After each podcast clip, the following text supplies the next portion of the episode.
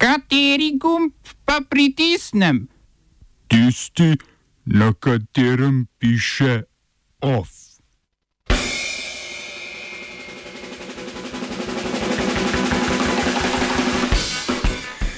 Po manj kot štirih mesecih odstopil italijanski ministr za šolstvo Lorenzo Fioramonti. Črnogorska policija prepovedala napovedani protest srpske opozicije v Podgorici. Indijska vlada namenila skoraj pol milijarde evrov za izvedbo popisa prebivalstva.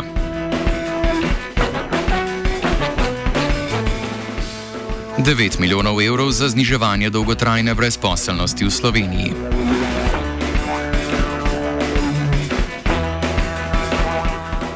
Italijanski ministr za šolstvo Lorenzo Fioramonti je odstopil po manj kot štirih mesecih.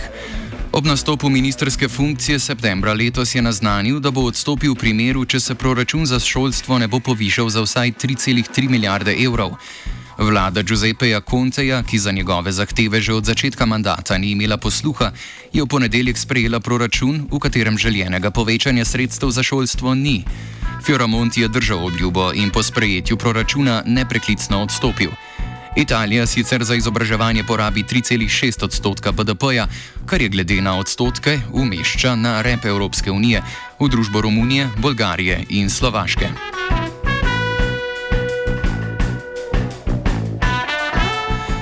Krizo v izobraževalnih ustanovah doživlja tudi Grčija. Grška vlada namerava zaradi upada natalitete in povečanega izseljevanja s prihodnjim letom zapreti 14 vrtcev in 9 osnovnih šol ter ukiniti 19 občin. Med letoma 2009 in 2014, torej na vrhuncu gospodarske krize, so v Grčiji zaradi pomankanja sredstev sicer zaprli kar 1705 osnovnih šol, 509 vrtcev in 400 srednjih šol. Po trenutnih ocenah naj bi se število grških učencev in dijakov zaradi paca natalitete od predkriznega leta 2008 do leta 2035 zmanjšalo za skoraj 30 odstotkov, kar je približno 430 tisoč ljudi.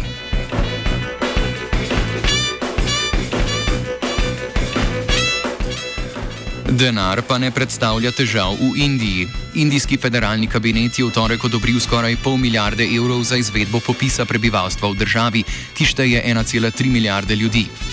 Ministr za informacije Prakaš Džavadekar v hindujsko-nacionalistični vladi Narendra Modija želi ustvariti državni registr prebivalstva, ki bi zajemal detaljne podatke, vključno z gospodarskimi, kulturnimi in socialnimi aspekti, demografijo in migracijami na nivoju najmanjših administrativnih enot.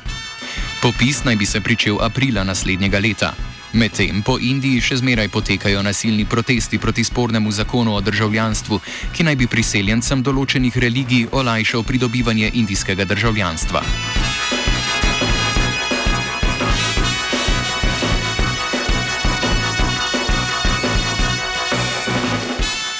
Verske skupnosti pa so na vzkrižju z državo tudi v Črni Gori.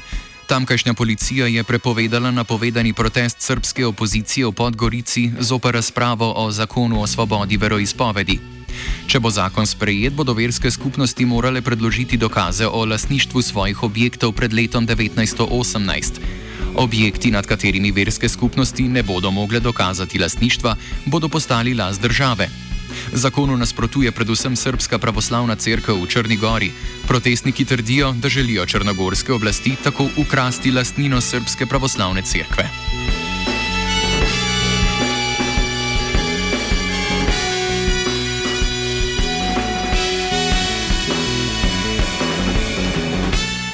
Policijo ima težave tudi opozicija v Rusiji. Vodja ruske opozicijske izvenparlamentarne stranke Rusija prihodnosti Aleksej Navalni je bil v policijski raciji njegovega predvolilnega štaba v Moskvi aretiran. Navalni, ki je sicer že na prostosti, pa upozarja, da je bil pred kratkim aretiran tudi njegov sodelavec Ruslan Šavedinov, ki naj bi bil po aretaciji prisilno mobiliziran v vojsko in nemudoma prepeljan na vojaško postojanko v arktičnem krogu. Navalni rusko vlado obtožuje ugrabitve, vojaka Šavedina pa je razglasil za političnega zapornika.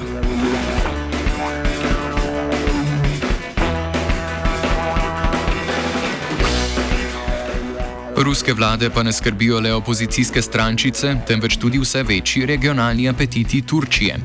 Turški predsednik Recep Tayyip Erdoğan je v sredo nenapovedano obiskal Tunizijo. S tunizijskim predsednikom Kaisom Sayedom se je pogovarjal o prekinitvi oboroženega spopada v Libiji. Po Erdoanovih besedah naj bi Tunizija lahko odločilno pripomogla k stabilnosti in koncu državljanske vojne v Libiji. Turška vlada je sicer podpisala dogovor o vojaškem sodelovanju z mednarodno priznano vlado v Tripoliju, Erdoan pa je danes napovedal, da bo v parlamentarno obravnavo januarja predložil zakon, ki bo omogočil napotitev turških oboroženih sil v Libijo. Državljanska vojna med mednarodno priznano vlado v Tripoliju in libijsko nacionalno vojsko pod vodstvom generala Kalifa Haftarja sicer traja že od leta 2014. Napredovanje Haftarjevih sil pa je ogrozilo interese turških podjetij v državi. Oba, če, bom odgovoril na angliški. Slovenija will try to help. We can Slovenija will and we will do our utmost To say that the situation is, our problem ourselves. and uh, We will make further steps as soon as the conditions are bomo vlado Marjana Cererja, Mira- Marjana Cererja Šarca podprli. uh, very, very serious. we know how and we will.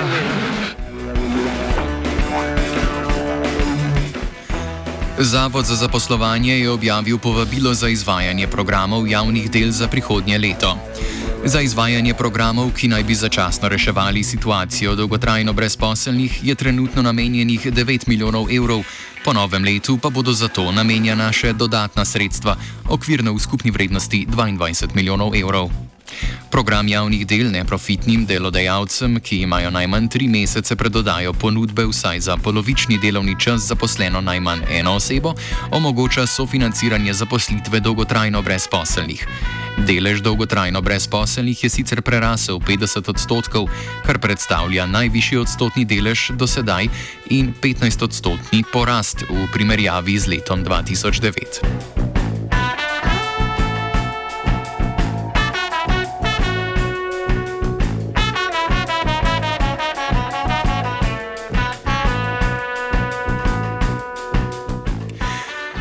sta pripravila Mirt in vajenec Aljaš, vi pa Vsak poslušate Radio Študent.